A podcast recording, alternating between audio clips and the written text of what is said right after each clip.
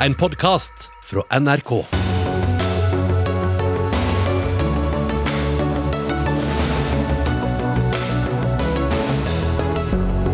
Hold dere hjemme. Det er beskjeden til innbyggerne i og rundt Oslo etter at to mennesker er døde av det muterte britiske koronaviruset i Nordre Follo. Nå får skoleelever støtte av rektorene sine. De vil avlyse årets eksamen pga. smittesituasjonen. Men kunnskapsministeren har ikke bestemt seg ennå. Dagens FN-forbud mot atomvåpen er historisk, jubler ICAN Norge. Avtalen er kun et stykke papir, sier Høyres Michael Tetzschner. Og elever fikk sjokolade og signerte noe de trodde var et opprop mot fraværsgrensa, og vips var de medlemmer av AUF. Vel møtt til fredagens Dagsnytt 18 på NRK P2 og NRK1, hvor vi også skal snakke om fisk og koronaretorikk. Jeg heter Sigrid Solund. Akkurat nå pågår det altså et utbrudd på Østlandet av det muterte koronaviruset fra England. Så langt vet vi at to mennesker er døde som følge av smitten i Nordre Follo. Kommunen som ligger sør for Oslo stenger nå helt ned som følge av utbruddet. Det er første gang i Norge at noen er blitt smittet av det muterte viruset inne i landet. Den siste timen har det vært krisemøte mellom bl.a. kommunene som grenser til Nordre Follo. Og du har gått ut og kommet løpende derfra for å være med hos oss, byrådsleder i Oslo, Raymond Johansen. Hva er dere kommet fram til på møtet så langt? Nei, Det har jo vært en understrekking av alvoret, eh, og at eh, vi er en eh, bo- og arbeidsregion. At vi må treffe felles tiltak. og at det også er en klar oppfordring til regjeringen å komme med like tiltak til alle kommunene. og Her må det handles raskt, det er alle enige om. Vi må så langt det lar seg gjøre, slå ned dette viruset med en eneste gang. Så eh, nå vil det innføres eh, drastiske tiltak på kort tid for å få kontroll over dette. Hva, hva ligger i det? Det ligger jo i forlengelsen å eh, begrense mobilitet så langt det lar seg gjøre. Tydelig gjennom helga, ikke dra på besøk. Hold deg til dine aller nærmeste. Fortsett med alle de tiltakene vi har hatt i Oslo. Så må vi se på hva, hvilken betydning det har veldig raskt for eh, barn og unge, for barnehage, for skoler. Samtidig så har vi en masse logistiske oppgaver med kritisk helsepersonell som har oppgaver å utføre. Så eh, det blir eh, en massiv jobb i, i, løpet av helgen. Så avventer vi det som kommer fra regjeringen, om det kommer da i løpet av kvelden eller ikke, for å tilpasse oss og forberede oss på neste uke. Så dere kommer ikke med nye tiltak nå, men avventer hva regjeringa eventuelt kommer med? Ja, så Vi eh, vil følge opp det regjeringen kommer med. for det her er det viktig at alle kommunene treffer de samme tiltakene. Derfor var det en stor oppfordring eller eh, en enighet i møte om at regjeringen bør treffe tiltak her som alle raskt kan implementere felles. og Der det er en stor jobb for kommunene, ikke minst for en stor kommune som Oslo. Da kan vi høre med en gang med deg, helse- og omsorgsminister Bent Høie. Kommer det nå nye tiltak? Ja, det gjør det. og Jeg har jo eh, avklart med Helsedirektoratet, som har hatt møte med kommunene med statsforvalteren i dag, at eh, regjeringen er beredt til å ta beslutninger i kveld. Etter at de har eh, gjort sine faglige vurderinger nå drøfter dette med de involverte kommunene. så kommer det en anbefaling fra direktoratet til meg, som jeg da tar til regjeringen. og Jeg regner med at vi kan hvis vi får anbefaling nå i løpet av kvelden, så vil vi også kunne ta beslutning nå i løpet av kvelden. Vi har direktoratet her også. Vi er assisterende helsedirektør Espen Rostrup Nakstad. Hva er det som ligger på bordet hos dere? Jeg kan først si at eh, Det har vært en lang dag hvor vi først har jobbet med Nordre Follo og gitt eh, gode råd der. Eh, både Folkehelseinstituttet og Helsedirektoratet har vært helt samkjørte på de rådene. Og så har jo det blitt som, som det sies også fra Oslos side, at dette er en situasjon som ikke bare gjelder Nordre Follo. Eh, det er mye kontakt mellom disse kommunene. Eh, det er en situasjon hvor vi antar at det er mutert virus flere steder. Og da må vi agere helhetlig. Da har vi et mulighetsrom nå til å få kontroll på dette. Den muligheten er ikke der så veldig mange dager fram i tid, og derfor er det så viktig å få gjort dette i dag. For dette gjelder jo mange hundre tusen mennesker. Ja. Men hva slags tiltak er det da aktuelt å innføre? Nei, altså, Dette møtet var jo ferdig for tre minutter siden, og, og det er ikke konkludert helt ennå. Jeg var den siste som gikk ut av det møtet. Eh, så, så, så eh, her jobbes det, det er ganske mange problemstillinger. Altså, det er en enighet blant kommunene her eh, det, om at dette er viktig å samkjøre. Det er viktig at folk forstår disse rådene. Det er viktig at man gjør det nå, ikke venter. Eh, og regjeringen har eh, beredt grunnen for at dette kan eh, besluttes raskt. Så... er det portforbud vi snakker om her? Nei, vi, vi, snakker her om, om, å ta ned mobiliteten i samfunnet. altså At folk ikke har mye kontakt med hverandre nå de neste dagene. Det er egentlig det vi snakker om. Eh, og, og eh, I Nordre Follo nå så har de anbefalt at folk holder seg hjemme, ikke går på kjøpesenter. Men Er ikke, ikke det de samme anbefalingene vi har hørt veldig lenge? Hva, ja, hva er forskjellen her?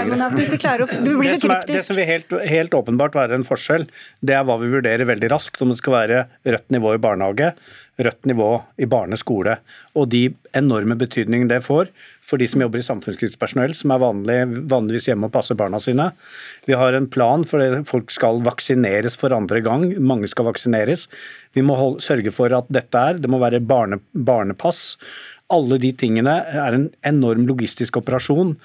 Alle de andre tiltakene kommer til å fortsette, men det kommer til å være tiltak, forsterkede tiltak, som regjeringen helt sikkert kommer med, som anbefalinger fra kommunene. Mm. Så må man se litt på detaljene rundt det, og det må vi jobbe med gjennom helga i alle de respektive kommunene. Ok, Så, så Bent Høie, det som er aktuelt, er da stengte barnehager, stengte skoler, mer ting?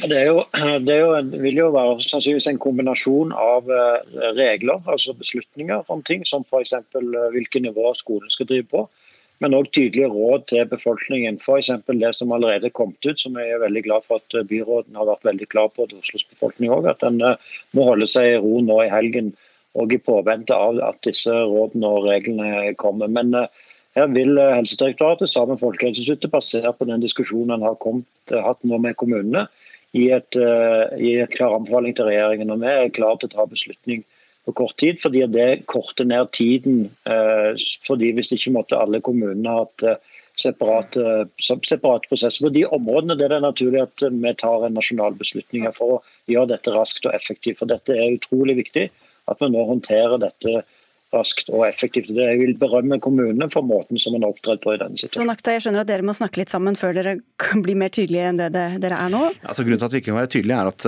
at jeg var, gikk ut av dette møtet for to minutter siden digitalt. Og, og, her er det en del problemstillinger. Eh, og Det må være tydelig og klart når dette blir vedtatt. Det må være ensartede råd.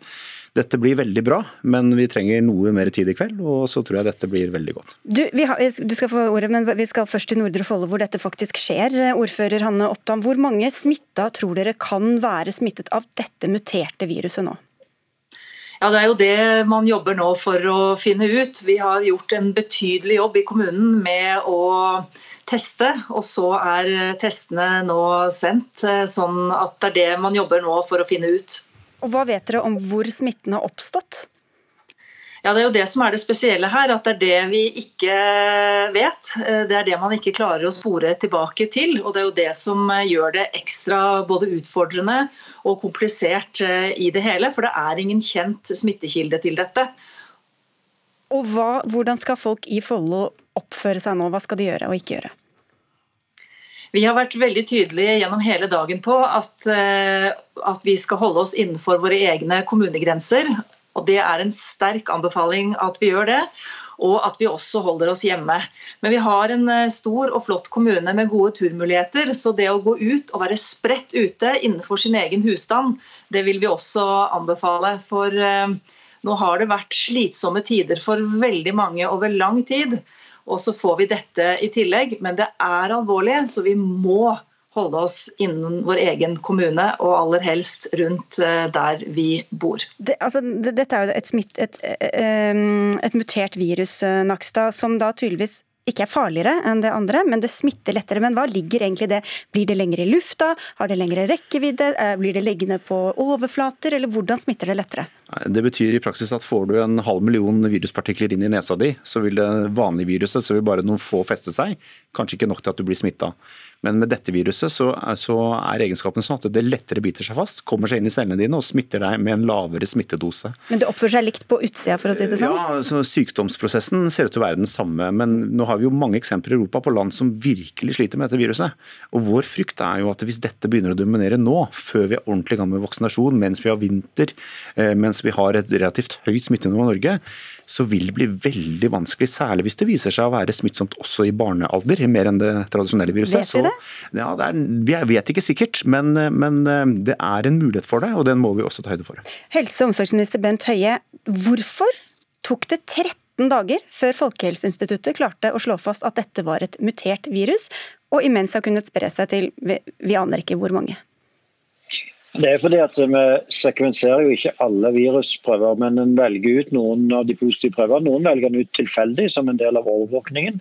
Andre velger en ut fordi en har en mistanke om at her er det en smittesituasjon som oppfører seg uvanlig. Og så har, eh, har, det vært sendt inn veldig mange sånne prøver i det siste. Derfor har det tatt noe tid. Men nå har, eh, på bakgrunn av informasjon om det muterte viruset har Eh, Folkehelseinstituttet starta med å skalere opp denne kapasiteten, nettopp for å være forberedt på den situasjonen, sånn at det ikke skal ta så lang tid framover å få sekvensert disse virusene. Men Norge er et av de landene som sekvenserer en del virus nettopp for å overvåke dette, mens en del andre land i Europa gjør dette i veldig liten grad. og Det er grunnen til at de innreiserestriksjonene vi har etablert, de gjelder generelt for alle. Nå sier eh, Boris Johnson i Storbritannia i kveld at det kan være mer dødelig. Er det aktuelt å sende vaksiner til denne regionen nå, prioritere den?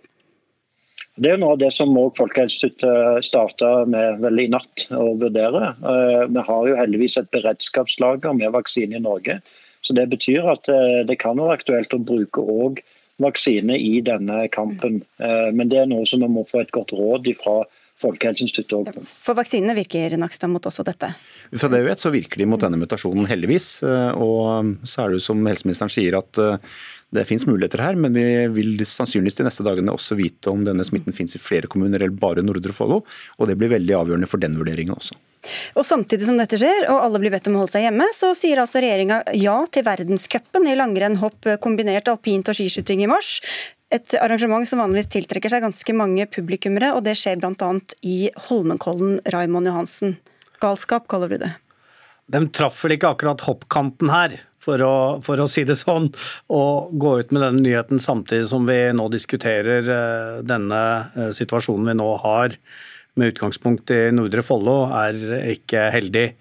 Og eh, nå er det jo sånn også at kommunene, og her i Oslo kommune og smittevernoverlegen må jo også være enige med Skiforbundet og arrangøren om vi skal tillate dette arrangementet, og ut fra situasjonen som den er nå, så virker ikke det veldig sannsynlig. Så dette var en litt klønete og rar måte å kommunisere midt oppi denne kritiske situasjonen vi er i nå, må jeg si. Står dere fast ved dette, Bent Høie? Det er viktig å si at Jeg er helt enig med, med Raymond at eh, det var en, eh, ikke noen god timing. Utfordringen til regjeringen var at vi hadde strukket denne beslutningen så langt som vi kunne. fordi vi ville komme lengst nærmest mulig i arrangementene, mens idretten hadde i dag som en absolutt deadline. Og så har vi da sagt nettopp, fordi når vi tok denne beslutningen, så visste vi selvfølgelig ikke om situasjonen i Nordre Follo, men vi visste jo at det var en risiko for at dette kunne oppstå. og Derfor har vi tatt to veldig tydelige forbehold. Det ene er at vi fra regjeringens side kan trekke tilbake igjen dette eh, når det nærmer seg, hvis smittesituasjonen tilsier. Men ikke minst, idretten må også søke den enkelte kommune om eh, å få gjennomføre dette. Og det betyr at både jeg og Raymond kan trekke dette tilbake. Eh, men det arrangementet som skal gå på Lillehammer, det er jo om tre uker. Ting kan se litt annerledes ut i de neste ukene, men hvis de ikke gjør det, hvis det forverrer seg, så blir det òg stopp for det. Ja, men så, altså, Ellers så viser dere til at dere innfører tiltak eller lar være å gjøre det pga. hvilke råd dere har fått fra helsemyndighetene. Her var helsemyndighetene ganske klare på at de ikke ville at dette, eller syntes at dette skulle skje, bl.a. pga. faren for muterte virus. Hva sier det om prioriteringene fra regjeringa?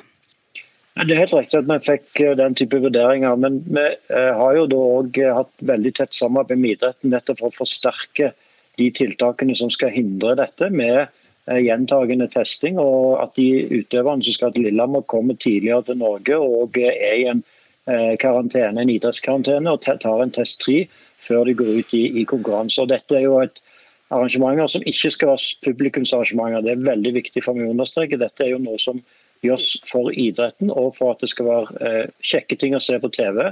Dette skal ikke være arrangementer der vi har store publikumsansamlinger. De, de slipper å sitte i karantene når de kommer, og dere har akkurat kritisert Nei. opposisjonen for at de prioriterte barer og hoteller, og så prioriterer dere toppidretten rett etterpå. Og så er det et problem til. Ja. Det, det, nå er det ett år siden Holmenkollen skifestival, og det var jo starten egentlig på hele koronapandemien hvor man ikke hadde egentlig et arrangement på selve stadion. Men løypene var jo fulle av folk som hadde overnatta og for så vidt ikke praktisert et skjenkeforbud. Og vi kan ikke komme i en situasjon nå at vi f.eks. må stenge kollektivtrafikken fordi at vi ikke skal ha folk opp der fordi at man skal ha et arrangement, når vi samtidig har treningssentre og ikke noe Da kan jo du bare si nei, da. Ja, og det er det eh, vi vil si. Hvis situasjonen på det tidspunktet er sånn det er i dag, så er det helt uaktuelt. Hva sier du, Nakstad? Hvis jeg får en Nakstad, så skal du få slippe til. Ja, nei, det, sier, det, det, viktige er jo å tenke at uh, situasjonen kan endre seg. Uh, og, og, Nå har det vært et unntak for håndball og fotball lenge, uh, det skal vi også huske på. og det er klart at når vi gir råd, så er det ut fra en vurdering av alle innspillene vi får fra helsesektoren. Og så skjønner vi at det må vektes andre ting, og det er jo også kulturinteresser og idrettsinteresser oppi dette. Det forstår vi veldig godt. Sånn at, men dette er bare et veldig godt eksempel på at situasjonen endrer seg raskt under en pandemi. Veldig kort, si. Høie. Høie. Jeg er helt enig med Raymond at er vi i en sånn smittesituasjon som er nå, og vi har mistanke om at dette blir et publikumsarrangement ute av kontroll, så skal vi selvfølgelig ikke si ja, si ja verken du eller meg. Vi hørte til slutt her fra Nordre Follo at der kunne de gå ut og gå på tur. Raymond Johansen. Kan også de som bor i hovedstaden bevege seg ut, eller hva er egentlig de praktiske reglene nå, før vi får eventuelle nye strengere regler fra ja, regjeringshold? Du kan gå på tur. Eh, er du i en risikogruppe, så skal du vite at du skal holde minst to meters avstand da. Det tror jeg er eh, veldig tydelig. Eh, gå ut og Nå er det ikke meldt så veldig fint vær, men vær litt i aktivitet. Men minst mulig møte med andre.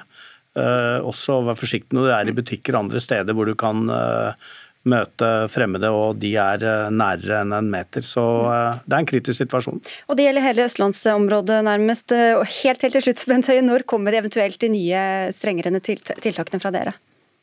Det kommer veldig raskt etter at vi har fått de samla rådene fra, fra, direktoratet. og regjeringen, De som tar den type beslutninger i regjeringen, er varsla. Og Eh, vil eh, kunne eh, sammen samordne oss og ta beslutninger på veldig kort varsel. Da er det rett ut å jobbe, Espen Nakstad. Så venter vi i spenning. Tusen takk skal dere ha alle sammen for at dere tok dere tid til å være med i Dagsnytt 18.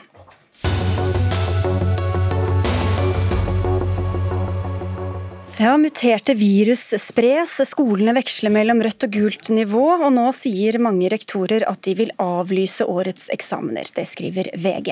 Dermed følger de opp bønnen fra bl.a. Elevorganisasjonen.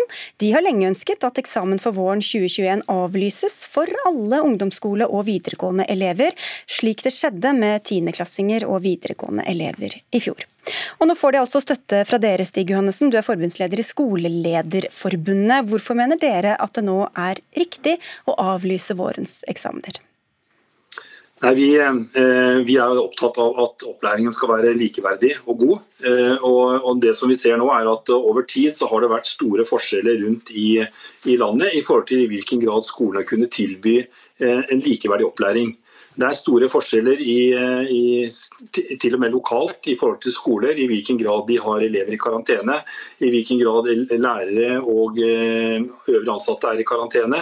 og Det bidrar til at opplæringstilbudet til elevene ikke er likeverdig. og Det er en av de viktigste årsakene vi nå har lagt oss på i forhold til å fremsnakke det at eksamen bør eh, avlyses snarlig, slik at man kan få tid til å planlegge for en god eh, vår under de gitte smitteverntiltak man har, og skape et bredest mulig vurderingsgrunnlag for å kunne sette standpunkt. Men Da sier du jo egentlig også at skolen ikke gjør det de skal, da, ikke gir den opplæringa som elevene har krav på? Det er ikke det som er den største utfordringen. Den største utfordringen er rammevilkårene for å kunne gi opplæringen. Hvis du f.eks. tar under rødt trafikklys, så vil jo veldig mange elever med praktiske fag ikke har muligheten til å være ute i praksis. Eh, det betyr at mye av opplæring foregår teoretisk, og da får du en ujevnhet i forhold til hvilket tilbud de har. Så Lærerne de strekker seg langt for å få til en god, eh, best mulig opplæring, men det er veldig mange forhold som virker inn på selve opplæringssituasjonen. Selv om vi alle sammen virkelig står på for å skape et best mulig opplæringstilbud. Og Senest i dag så presenterte UDIR en undersøkelse som viser at fraværet blant ansatte gjør at man må sette inn vikarer, enten ledere eller andre ansatte, som kanskje ikke har den nødvendige kompetansen til å kunne undervise med kvalitet i alle fag. Og Det er for å holde skolen i gang. og Det gjør også at opplæringstilbudet blir lavere, av lavere kvalitet, selv om vi prøver å strekke oss lengst mulig. UDIR det er altså Utdanningsdirektoratet for alle som ikke er helt inne i sjargongen. Statssekretær i Kunnskapsdepartementet Anja Johansen, blir det eksamen til våren? Det er det for tidlig å si. Eh, jeg er helt eh, enig i det Stig Johansen sier, at nettopp det at smittetrykket har vært så ulikt rundt i landet, og at elevene har i varierende grad kunnet kommet på skolen og hatt ulike former for gjenopplæring, uten at vi har noen grunn til å trekke i tvil at alle har gjort så godt de kan for best mulig opplæring. Så er det jo dette som er den faglige bakgrunnen for at vi er nødt til å diskutere om vi skal kunne ha eksamen. Men samtidig, Johannessen, hva med urettferdigheten som ligger i at eh, elevene ikke får en utenfravurdering, som kanskje eh, har eh, ferske, friske øyne som ikke har for lengst gjort seg opp en mening om eleven fra før av? Jeg tenker at i forhold til, Vi må ha tillit til lærerne våre, at de kjenner eleven best. Og I den situasjonen vi står i nå, så, så, vurderer vi det slik at det å skape gode, varierte vurderingssituasjoner vil bidra til å gi et godt grunnlag for å sette en, en god standpunktkarakter. Og man må være klar over at Sluttkompetansen, standpunktkarakteren, er jo hoveddelen av det eleven får på sitt vitnemål. Eksamen er jo bare et øyeblikksbilde eh, akkurat den dagen. og I så måte så er det å kunne skape en god rammevilkår for god sluttvurderingssituasjoner framover nå, i en situasjon hvor man må kanskje variere mange plasser mellom gult og rødt, avhengig av hvordan situasjonen utvikler seg. Så jeg er mest opptatt av å legge et grunnlag for å ha muligheten også blant læreren til å skape eh, gode situasjoner sammen, og prioritere å få til det. Hva teller mot å avlyse, Johansen? Eh, det ene er jo den, det utenfra-blikket, den kvalitetssikringa som ligger i å ha en ekstern sensor. Eh, så er det selvfølgelig alle de praktiske forholdene, det er smittesituasjonen, og så er det det som, som har vært påpeka her, som er det vi må ta, diskutere har det vært en likeverdig opplæringssituasjon. Og så er det jo sånn at dette har vært en diskusjon egentlig i noen måneder allerede. Skal vi ha, eller skal vi ikke ha eksamen? Eh, og det har pågått et arbeid hele, i, i, mange uker allerede. Før jul leverte UD risikovurdering eh, på bestilling fra departementet. Og til uka så får vi eh, noen vurderinger for altså hva, hva er alternativene for å skulle gjennomføre de skriftlige eleveksamene. Hva er det som haster så fælt, Johannessen, at departementet allerede nå må ta en avgjørelse etter deres syn? Det har noe med hvordan situasjonen faktisk er. Det er store forskjeller mellom eh, kommuner og skoler i hvilken mulighet de har til å kunne fokusere på opplæring på skolen, da, som er det beste. Vi er veldig opptatt av at, eh, som alle, at elevene bør være på skolen. Eh, og så er det noe med at Nå er det bare halvannen, altså I mai trekker man eksamen. Og Da starter et stort arbeid i alle skoler for å legge til rette for å gjennomføre eksamen. Og Hvis man kan unngå å bruke ressursene på det, men heller fokusere på gode eh, vurderingssituasjoner og lage godt opplegg helt fram til sommerferien, som man faktisk hadde erfaringer fra i 2020, så vil det styrke muligheten til elevene har til å vise sin kompetanse. Når bestemmer dere dere? Ja, som sagt, Vi får UDIR sine vurderinger av alternativene til uka, så skal jo vi gjøre en politisk behandling av de. Eh, I mellomtida så, så må skolene forberede seg på at det blir eksamen. Og så kan vi ikke si nå om det blir eh, skriftlig og muntlig, eller hva alternativene blir. Det er litt for tidlig å si. Fortsatt usikkert altså. Takk skal dere ha uansett begge to. Anja Johansen, eh, statssekretær i Kunnskapsdepartementet, og Stig Johannessen, forbundsleder i Skolelederforbundet.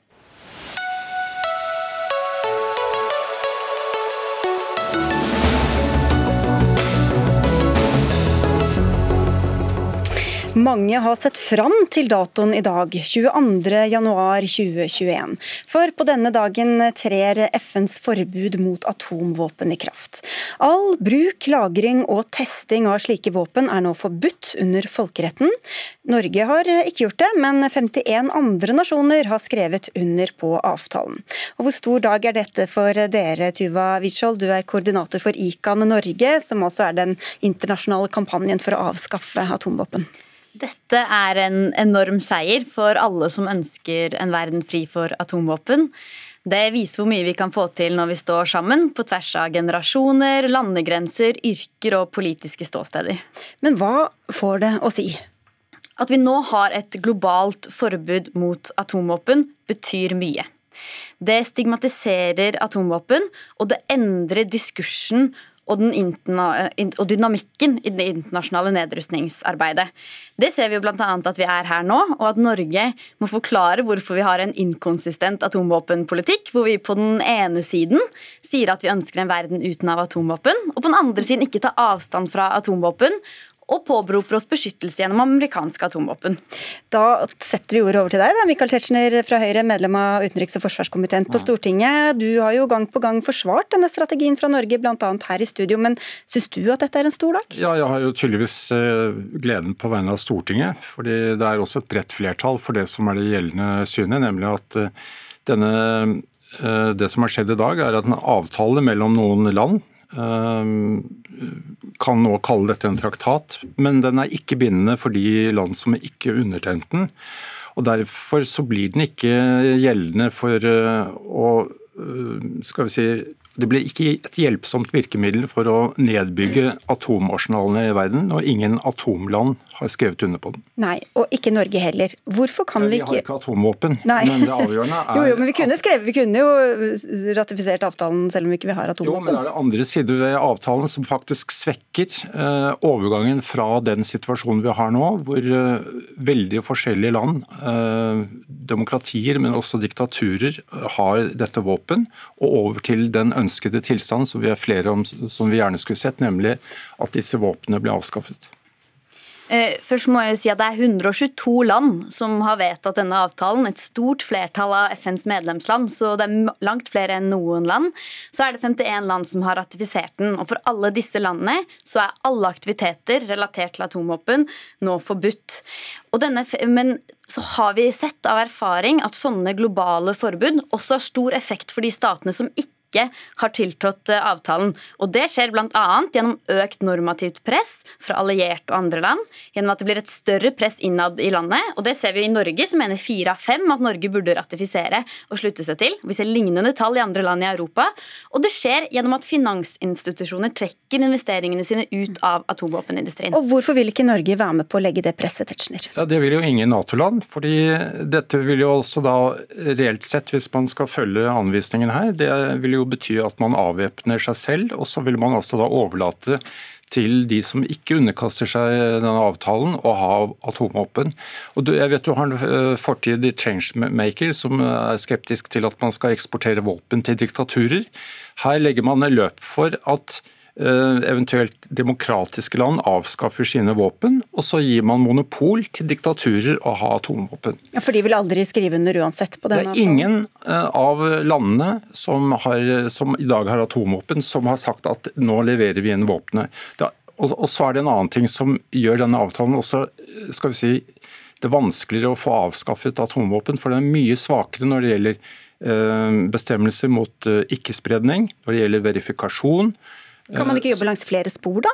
Ja, men Vi har allerede en ikkespredningsavtale som de etablerte atommaktene har skrevet under på. og Det er mye viktigere å, å, øke presset for at de avtalene som allerede innbefatter atommakter, blir realitet. Kan jeg kommer med to kommentarer fort? For det første så gjelder det verifikasjonsargumentet. For dette er motbevist gang på gang på gang av eksperter. Og det blir ikke mer sant av at man gjentar det.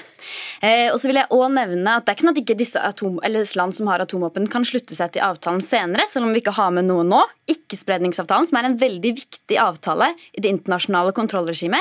Der var ikke Kina og Frankrike med da man vedtok avtalen i 1968, men de er med i dag. De har sluttet seg til senere. Vi kan ta inn en ekspert her. Ja, du... Dette er grunnen til at Sverige ikke vil skrive under. De er alliansefrie. Men de vil ikke skrive under etter en embetsmannsundersøkelse av avtalen, nettopp fordi den er så svak på disse punktene, og på noen punkter underminerer de avtaler vi allerede har, og som inkluderer atommakter. Kjølve Egeland, forsker ved Folkerettsinstituttet og ved Sciences Po universitetet i Paris, og ekspert på atomvåpenpolitikk og nedrustningsavtaler. Får det noe å si, det som skjedde i dag? Ja, det er jo vanskelig for oss å spå inn i fremtiden. Men hvis vi ser på historien og den erfaringen vi har med andre våpen, så, så er det en, en, tendens der til at eh, denne typen forbud kan få uh, virkning, selv om ikke de statene som har våpnene slutter seg til med en gang, eller i det hele tatt. Det gjelder f.eks. For forbundet mot landminer og klasevåpen, som har hatt stor innvirkning på eh, stormaktenes politikk, selv om flere av dem ikke har ratifisert eh, disse avtalene. Men du sier at verden ligger skikkelig dårlig an når det kommer til eh, nettopp atomvåpen. Hva er det som begrunner den pessimismen? Jo, Vi har jo sett en tendens nå, la oss si det siste tiåret, til at, eh, at spenningene har økt mellom eh, stormaktene og eh, atomvåpenstatene. Vi har sett en, en retorikk de siste årene som vi ikke egentlig har sett siden 80-tallet, hvor flere land kommer med ganske aggressive og i grunnen eksplisitte trusler om bruk av atomvåpen. Vi husker tilbake til Trump og Kim Jong-un for et par år siden. Vi har også sett Putin og lederne i, i India og, og, Pakistan.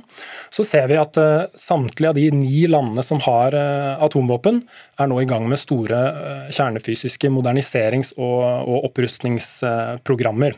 I tillegg Oppå alt dette her så er det en del teknologiske utviklinger nå som kanskje kan øke risikoen for at noe går galt. Dette gjelder eh, kanskje først og fremst eh, kunstig intelligens og en del eh, cybervåpen og andre digitale teknologier. Så alt dette her har gjort at eh, flere eksperter, og også eh, generalsekretæren i FN, har, har ment at eh, sannsynligheten for bruk av atomvåpen er høyere nå enn noen gang siden 1945. Så denne, alle disse tendensene peker i én retning, og så har du denne andre tendensen med forbudstraktaten som har trådt i kraft i dag, som er uttrykk for at flertallet av verdens land ønsker å sende et, et signal om at de ikke aksepterer denne utviklingen og ikke aksepterer det at atomvåpenstatene og deres allierte i år etter år, tiår etter tiår, sier at de skal ruste ned, men ikke gjør det i praksis. Tetzschner, du sa jo at vi, vi vil jo være beskyttet selv gjennom våre allierte, men er vi også redde for å liksom, fornærme våre allierte gjennom oss, hvis vi skulle skrive under på denne traktaten? Nei, det er jo ikke det som er, eh, er noe førende hensyn. Altså, norsk utenrikspolitikk eh, tar utgangspunkt i norske interesser. og Der er jo våre historiske erfaringer at de er i allianse i en farlig verden, allianse med andre vestlige land. At, at vi har hatt trygghet uh, i hele etterkrigstiden. Fordi vi har prøvd det andre, å stå alene blitt okkupert av, av, totalitære stormakter. Det jeg kanskje vil si, er at man skal ikke undervurdere mulighetene for at um, man i, ut fra gode hensikter uh, presser frem kanskje en ensidig nedrustning i land som er under demokratisk kontroll så gir man altså diktaturstatene, som ikke behøver å ta slike hensyn, de facto monopol. Så kan man tenke seg hvordan det åpner eh, for, for politisk press og annet press. Hvordan skal man få nedrustning da, hvis man eh, hele tiden skal være litt på høyden og helst litt over? Jo, For det første så må man jo begynne med å se på at eh, papiravtaler som ikke inneholder håndhevelsesmuligheter, som ikke gir et rettslig grunnlag for å håndheve, men heller ikke et faktisk grunnlag. altså Hvordan avvæpner du en atommakt som da ikke vil etterkomme en, en, en avtale, eh, selv hvis de har skrevet under på den? Eh, vi har Nord-Korea som eh, meldte seg ut av ikkespredningsavtalen. Men grunnen til at vi sier at mulighetene for at atomvåpen kan bli brukt, det er ikke så mye de etablerte statene som er problemet. Det er at det blir en lekkasje av den teknologien, slik at den faller i hendene på eh, stater som kollapser. Det er det store problemet. og Derfor burde vi satt kreftene inn på å virkelig gjøre ikkespredningsavtalen til det store instrumentet den kan være, hvis vi holder fast alle atommaktene som har skrevet under på den. Og, og nettopp derfor så trenger vi jo FNs atomvåpenforbud. Den underbygger ikkespredningsavtalen, og den underbygger artikkel 6, som sier at man nettopp trenger et bindende eh, forbud mot atomvåpen. Så egentlig så trenger vi, vi trenger at land viser at det er det vi ønsker, og her kan Norge bidra. Jo flere land som støtter FNs atomvåpenforbud, jo sterkere blir normen. Og hvis land som er i allianse med land som har atomvåpen, støtter det, så blir den enda sterkere. Men dette er jo lek på Vi vil bare få inn Egeland på slutten her, for nå har jo USA fått en ny eh, president. Kan det gjøre noe som helst med USAs atomvåpenstrategi? Det tror jeg nok absolutt.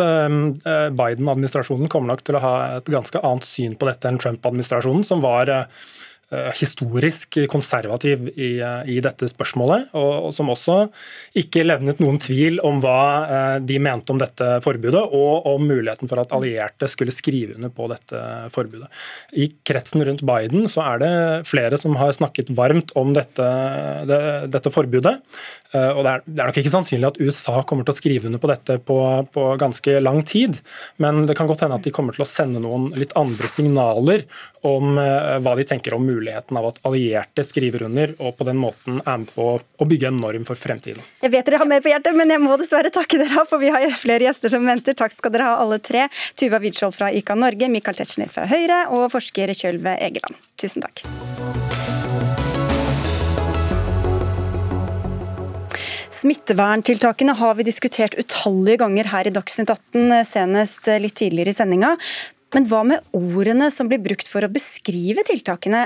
Noe av den retorikken som er blitt brukt, kan gi næring til mistillit og konspirasjonsteorier, skriver du i Aftenposten, Anne Kjersti Befring. Du er førsteamanuensis ved juridisk fakultet ved Universitetet i Oslo, med ansvar for helserett. Og Du viser bl.a. til jusprofessor Hans Petter Graver, som sitter i den andre enden her og snart skal få ordet. Men si først hva slags ord og begreper det er du har reagert på. Ja.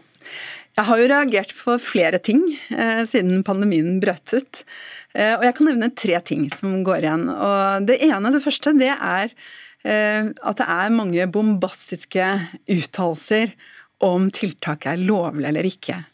Eh, og ofte uavhengig av at et tiltak må vurderes på bakgrunn av komplekse både faktaforhold og juridiske forhold. Det andre det er historieløshet. Og nå mangler jo vi erfaring med en pandemi i vår generasjon, men loven bygger på erfaringer. Eh, så når man sier at eh, dette er helt nytt osv., så, videre, så er det ikke nytt. Eh, og det tredje, det er begrepene. Og det jeg har sett, er at det å pålegge karantene i eget hjem, det er omtalt som ulovlig frihetsberøvelse, med mindre man har påvist at man har smitte.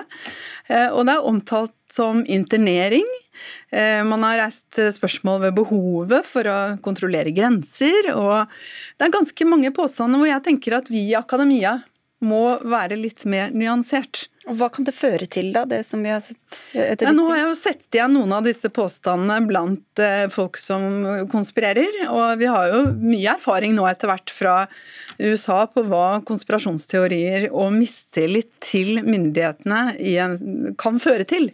Og jeg tenker at under en pandemi så må vi være litt forsiktige. Og jeg har lyst til å si at jeg har veldig stor respekt for Graver som forsker, og mange følger han. Jeg er blant de, jeg leser alt han skriver. Han skriver fantastisk godt, og var den første som kom ut med en bok. Eh, og, om, om, pandemien og Om pandemien, og hvor det er veldig mange spennende perspektiver. Så det handler ikke om det. Men her mener jeg at vi har definert både rettsstaten litt snevert, og vi har definert vår rolle i akademia. fordi det primære her det er jo hvordan, eh, hvordan myndighetene skal ivareta befolkningens helse og liv. Da skal vi sette over til deg, da, Hans Petter Graver, professor ved Institutt for privatrett ved det samme universitetet i eh, Oslo. Sier du, er du med på å undergrave tilliten til myndighetene og nøre opp under konspirasjonsteorier? Eh, først vil jeg si at jeg syns vår rolle som akademia er jo bl.a. å diskutere myndighetenes tiltak under alle forhold. Eh, og Derfor er det veldig bra også at vi har denne diskusjonen. Eh, det er jo slik at eh, myndighetene treffer mange tiltak og har mange fullmakter som vi ikke ellers vil akseptere i en rettsstat, men som vi aksepterer nå pga. den farlige situasjonen vi er i. Men vi må ikke glemme at eh, det på mange områder er snakk om eh, begrensninger i grunnleggende friheter og rettigheter. Eh, og det er snakk om en annen maktfordeling mellom Stortinget og regjeringen. Regjeringen har utstrekte fullmakter, ikke bare til å gi forskrifter, men også til å fravike gjeldende lovgivning. Og vi har koblet ut mye av de vanlige demokratiske kanalene ved utarbeidelse av tiltak. Altså at myndighetene utarbeider eh, restriksjoner uten eh, normale høringsprosesser og, og, uten den normale politiske forankringen. Så dette her er ikke, dette er ikke hverdagskost, og, og derfor så er det god grunn til å diskutere det. Fordi hvis vi skal trekke inn historien, som Befring sier, og det er jeg helt enig i, så er det for det første slik at under alle tidligere alvorlige pandemier og utbrudd av epidemier, så har man, og det er riktig, brukt Eh, frihetsbegrensende tiltak, men de har også vært veldig kontroversielle. Eh, en av våre kolleger fra medisin, Stig Frøland, har jo nettopp skrevet en diger bok om eh, kampen mot mikrobene, og der ser man veldig tydelig hvordan dette alltid har vært kontroversielt. Er det ikke akkurat nettopp under sånne spesielle forhold at vi må stoppe å stille de spørsmålene da, Befring? Jeg er enig i alt Graver sier. Eh, og det som kjennetegner at vi er i en så stor krise som vi er nå, og i krig, det er jo disse vide fullmaktene, og at vi må passe på. Men, eh, og det er jo helt riktig også det Graver sier, at det er jo vidtgående inngrep i personers frihet. Men de inngrepene må jo avveies mot eh, beskyttelse av liv og helse og langvarige økonomiske negative virkninger på samfunnet.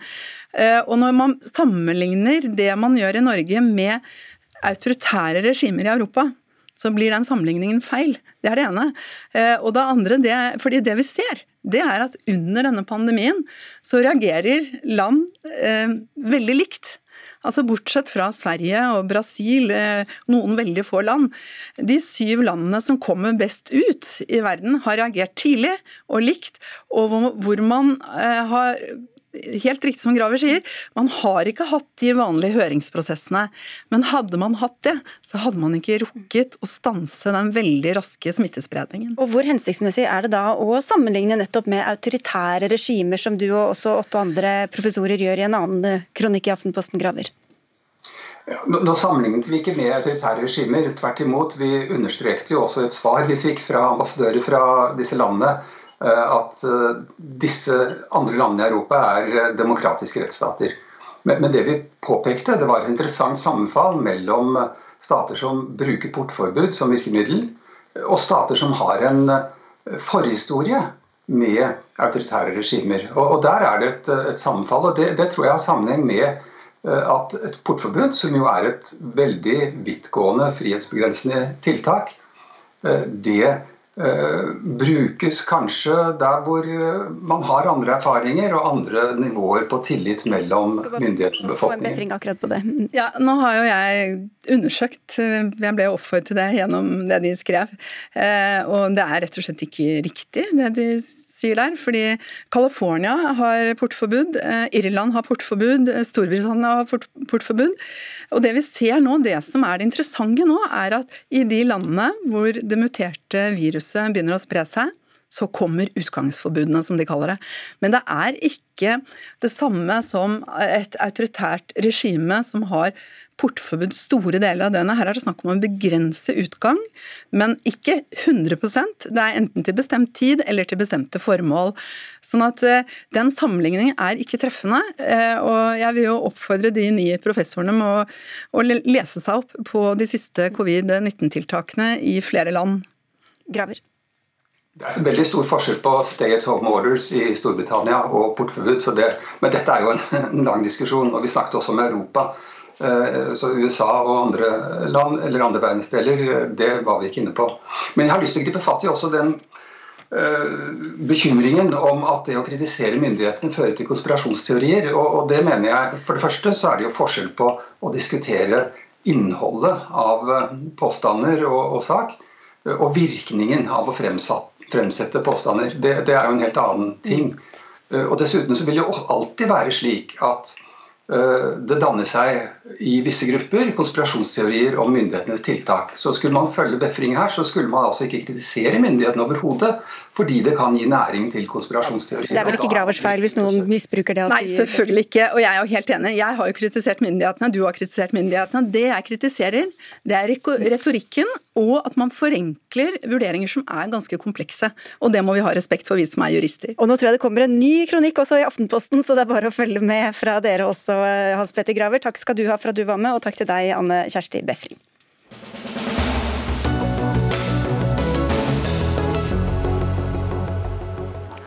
Og handelsavtaler er blitt et hett tema på nordnorskdebatt.no.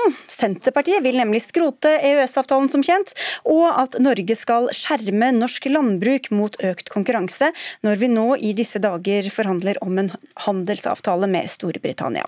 Dette advarer dere mot, Erlend Svardal Bø. Du er førstekandidat på stortingslista for Høyre i Troms og gruppeleder i Tromsø bystyre. Hva mener dere kan skje med fiskerne i Nord-Norge og ellers i landet hvis Senterpartiet får det som de vil? Nei, nå er det sånn at 80% av all norsk eksport går til EØS-området. Vi sender 36 millioner fiskemåltid hver eneste dag fra Norge ut til det europeiske området. Eh, og det er jo sånn at EØS-avtalen bidrar jo til like konkurransevilkår, mindre byråkrati og tilgang til over en halv milliard kunder ute i Europa.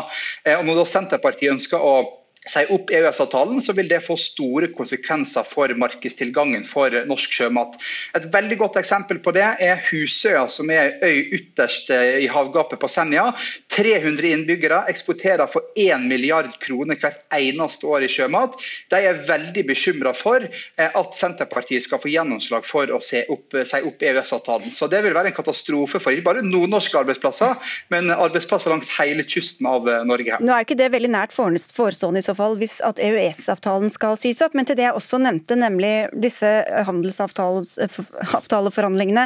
Der vil jo Norge ha høye tollsatser på britiske landbruksvarer for å beskytte norske bønder. Men vi vil også selge sjømat eh, uten å møte høye tollsatser. Hva bør vi prioritere da, mener du? Nei, jeg mener jo det at, eh, at, vi bør prioritere sjømat. Jeg vil ikke sette landbruk og sjømat opp imot hverandre, for begge to er viktige distriktsnæringer. Men det er ingen tvil om at norsk sjømat er lønnsomt. De har hatt en syvdobling i verdiskapning de siste 15 eh, årene.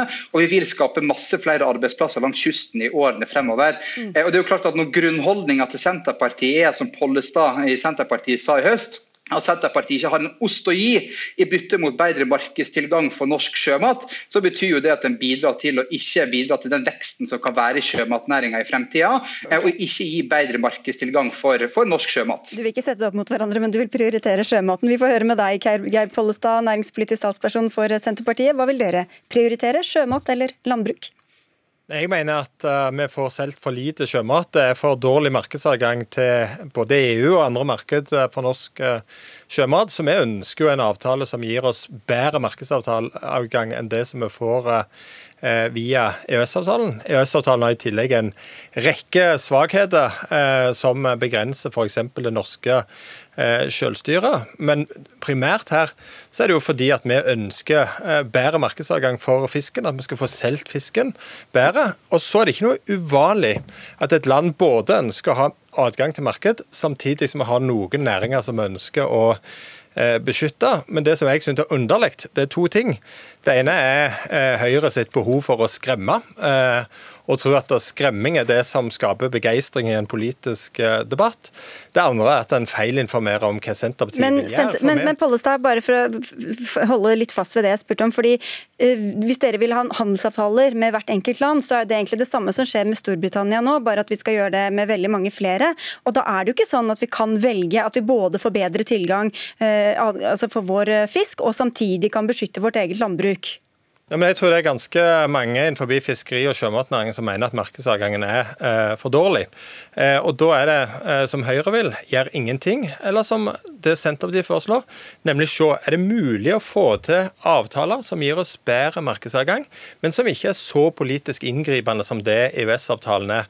Men Hvordan skal sånn du få til det når vi nå ser at vi faktisk ikke får til begge deler i de handelsavtalene sånn som det ligger an? Nei, for vi, fordi vi ønsker å forhandle, eh, avklare, eh, kartlegge dette før vi sier opp eh, EØS-avtalen. Høyre de har en eller annen teori som de forteller om Senterpartiet sin politikk, at vi skal droppe distriktsnæringene i, i det fri.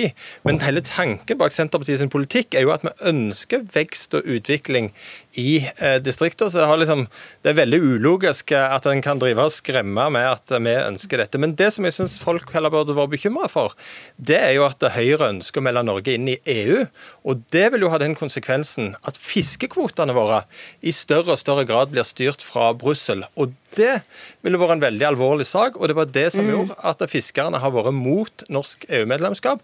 Og det burde også Høyre vært tydeligere på. Hvor mange fiskere har du egentlig med på laget, Svardal?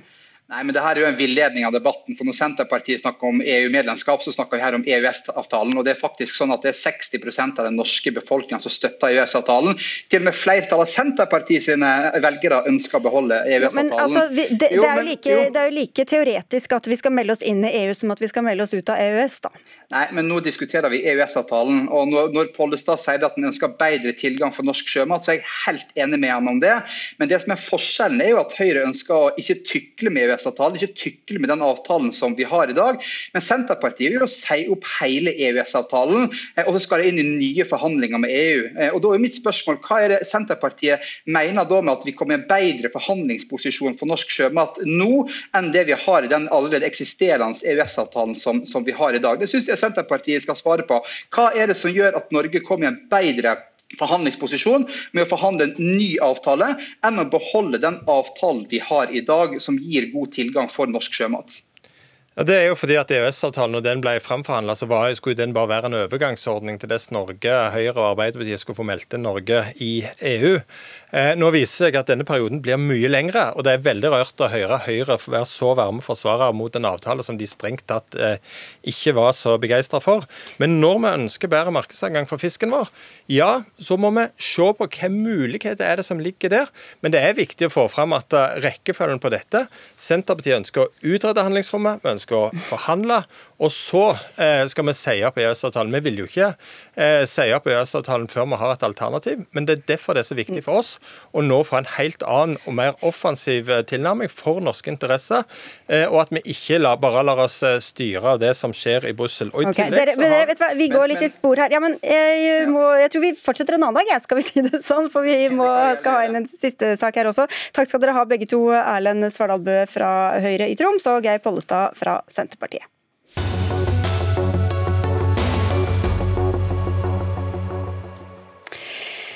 AUF er nok en gang i hardt vær pga. måten de verver nye medlemmer på. Denne gangen er det flere elever ved en skole i Trondheim som sier til VG at de trodde de signerte et opprop om å fjerne fraværsgrensa i 2018.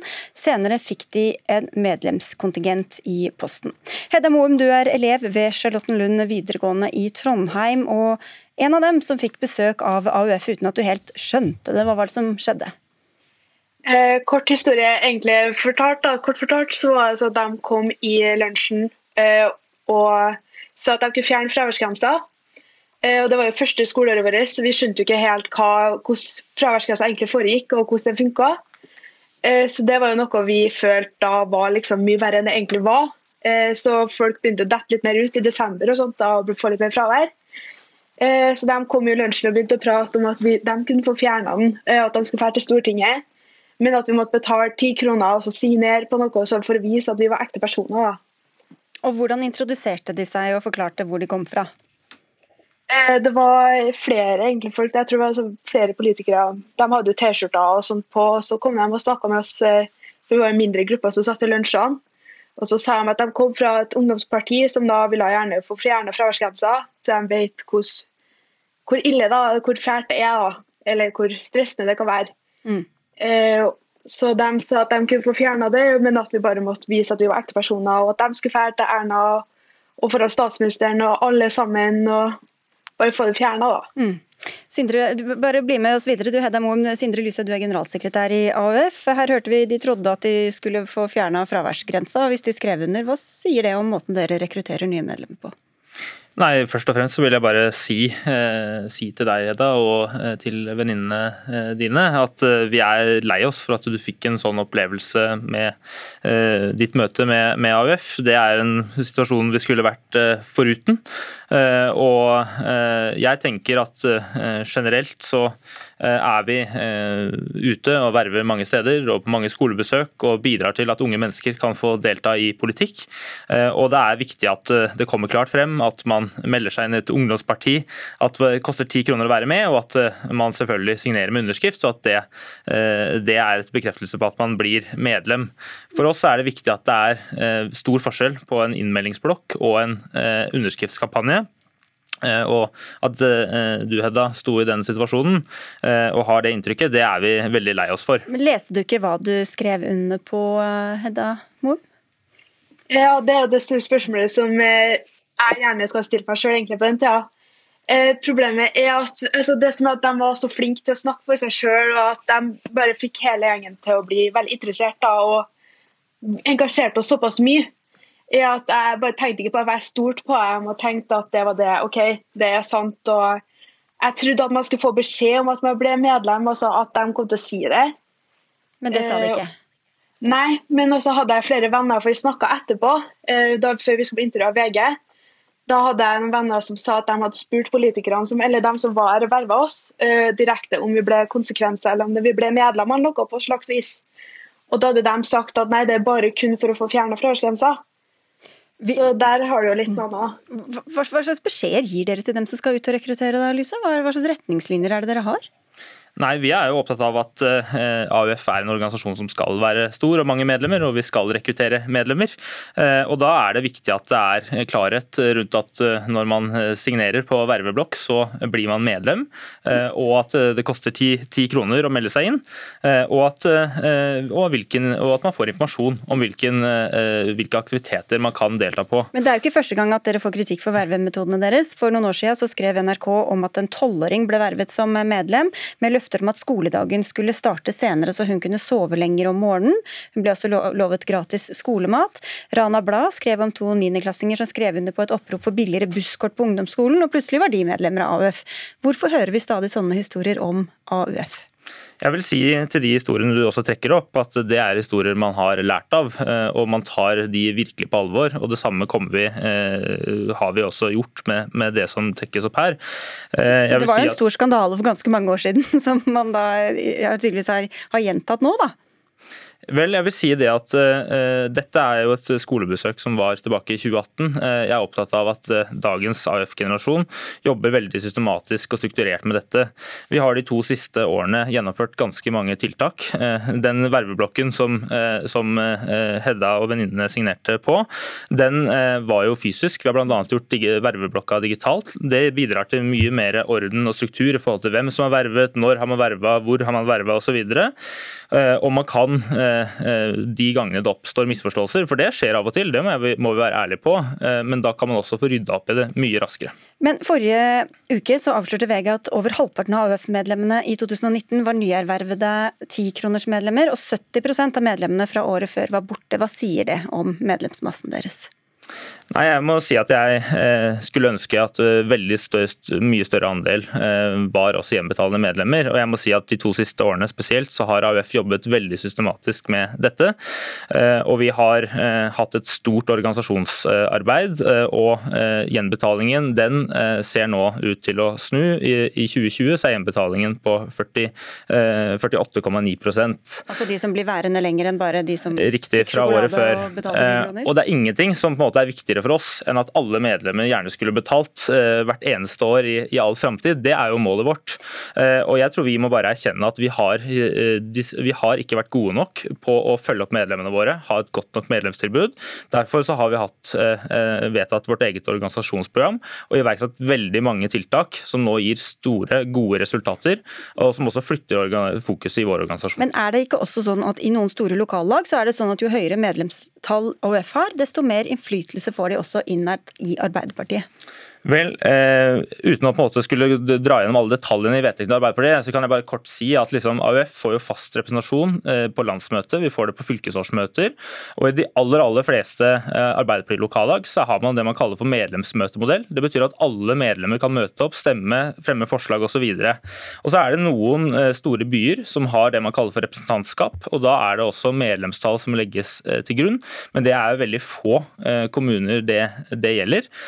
og stort sett sett så er det bare et gode også for Arbeiderpartiet at AUF er mange, at vi er mange i valgkamp og at vi er mange som bidrar til det politiske arbeidet. Men Hvordan er ellers det økonomiske øh, systemet? da? Får dere også mer penger per medlem dere klarer å verve fra, fra staten, eller hvordan er det? Vi får ingen, ingen, støtte for introduksjonsmedlemmer som betaler 10 kroner. Der får vi absolutt ingen offentlig støtte. Eh, hovedinntektene til AUF får vi fra den offentlige statsstøtten, eller stemmestøtten. og Det eh, får vi basert på hvor mange stemmer Arbeiderpartiet får ved valg, eh, som er et godt system. Eh, det eneste vi får eh, støtte for som knytter seg til medlemstall, det er LNU-støtta. og Da får man støtte for de eh, medlemmene som betaler 50 kroner. Takk skal du ha for at du kom til Dagsnytt 18, Sindre Lyse, generalsekretær i AUF. Og tusen takk til deg også, Hedda Moum, som er elev ved Charlottenlund videregående i Trondheim. Nå skal Dagsnytt 18 eh, ta helg. Vi er tilbake på mandag og ses og høres da. Anne Katrine Førli var ansvarlig for innholdet i sendinga. Marianne Myrhol hadde det tekniske ansvaret. Mitt navn er Sigrid Solund, og vi ønsker en så god helg som man kan ha.